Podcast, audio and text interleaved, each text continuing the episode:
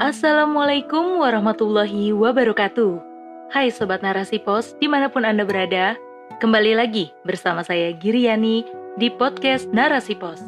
Narasipos.com, cerdas dalam literasi media, bijak menangkap peristiwa kunci. Rubrik Syiar. Peringatan sudah nyata, mengapa masih enggan buka mata? Oleh Dila Reta. Setiap persoalan dalam kehidupan memang mempunyai dua sisi yang berbeda, selalu ada pro dan kontra. Tapi, jika membahas tentang penyimpangan seksual yang kian marak terjadi, adalah sebuah keharusan bagi setiap orang berpemikiran cerdas untuk menolaknya dengan tegas. Mirisnya, masih banyak kalangan yang mendukung bahkan memproklamisasikan penyimpangan yang jelas-jelas dilarang oleh semua agama. Katanya, puncak ajaran dari seluruh agama adalah cinta. Tapi, bisakah kalian mendefinisikan cinta apa yang dimaksudkan? Apakah membiarkan seseorang terjerumus dalam kesesatan adalah wujud dari cinta dan kasih sayang yang selama ini digadang-gadang sedang kalian perjuangkan? Perilaku menyimpang ini pertama kali terjadi di masa kenabian Lut alaihi salam oleh kaumnya, kaum Sodom. Mereka sangat suka melakukan hubungan homoseksual hingga Allah timpakan azab yang sangat pedih kepadanya. Kisah tentang kaum Lut ini telah Allah jelaskan dalam firman-Nya, Quran Surat Al-Ankabut ayat 28 hingga 35. Dan saya yakin kita semua telah mengetahuinya. Dalam sebuah riwayat hadis dari Abdullah bin Muhammad bin Uqail, ia mendengar Jabir berkata, Rasulullah Shallallahu Alaihi Wasallam bersabda, sesungguhnya apa yang saya khawatirkan menimpa umatku adalah perbuatan umat Nabi Lut. Hadis riwayat At-Tirmizi. Dalam riwayat lain disebutkan dari Ibnu Abbas bahwasanya Rasulullah Shallallahu Alaihi Wasallam bersabda, Allah melaknat orang yang melakukan perbuatan umat Nabi Lut. Allah melaknat orang yang melakukan perbuatan umat Nabi Lut. Allah melaknat orang yang melakukan perbuatan umat Nabi Lut. Hadis riwayat An-Nasai dan Ahmad. Karena sudah jelas jika azab atas perbuatan menyimpang ini sangat mengerikan. Rasulullah sendiri telah memperingatkan agar umatnya tidak melakukan tindakan seperti demikian. Fakta yang baru-baru ini muncul ke permukaan adalah mulai teridentifikasinya penyakit baru yang menyerang kaum homoseksual.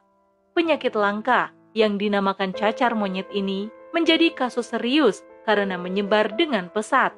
Tidakkah kita memikirkan jika hal tersebut adalah sebuah peringatan?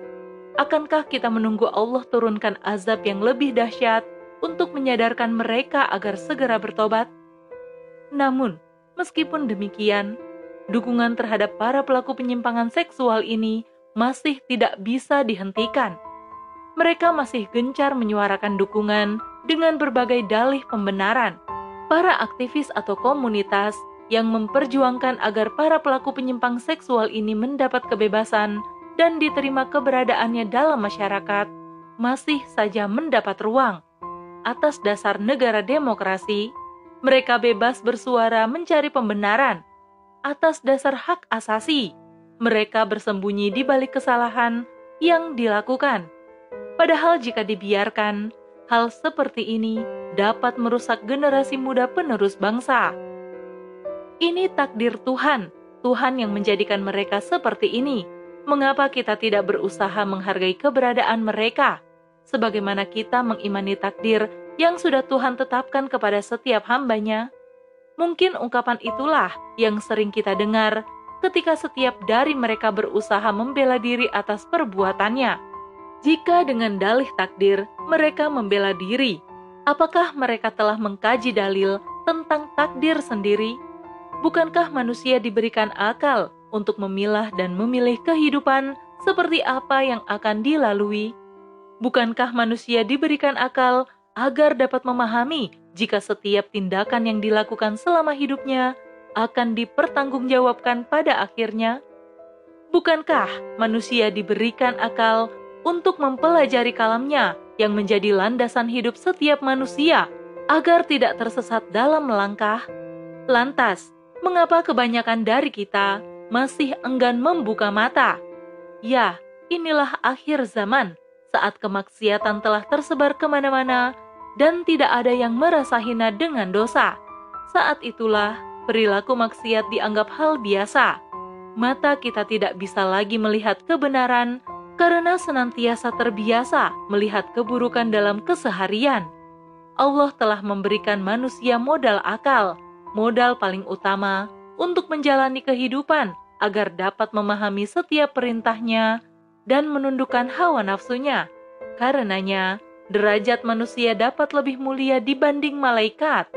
Namun, saat manusia enggan menggunakan akalnya untuk memahami setiap perintahnya dan menundukkan hawa nafsunya, maka Allah akan rendahkan derajat kita lebih hina dibanding binatang melata. Di saat zaman sudah semakin maju, mengapa peradaban kita justru meniru bobroknya masa lalu? Di saat Allah telah berikan kesempurnaan akal, mengapa kita justru meniru perilaku binatang? Hal inilah yang patut kita renungkan. Sudah sepatutnya bagi kita semua untuk kembali merenungkan azab-azab yang benar adanya. Jika telah meyakini bahwa setiap dari kita akan mendapat balasan atas tindakan yang dilakukan, mengapa masih enggan menghentikan kesesatan? Siapkah kita menanggung segalanya kelak? Allah Subhanahu wa taala berfirman dalam Quran surat Yunus ayat 51 hingga 52 Kemudian apakah setelah azab itu terjadi, kamu baru mempercayainya? Apakah baru sekarang, padahal sebelumnya kamu selalu meminta agar disegerakan? Kemudian dikatakan kepada orang-orang yang zalim itu, rasakanlah olehmu siksaan yang kekal. Kamu tidak diberikan balasan, melainkan sesuai dengan apa yang telah kamu lakukan. Maha benar Allah dengan segala firman-Nya Semoga kita semua senantiasa Allah jagakan dalam ketaatan dan Allah berikan kekuatan untuk melawan setiap kemaksiatan. Wallahu a'lam bishawab.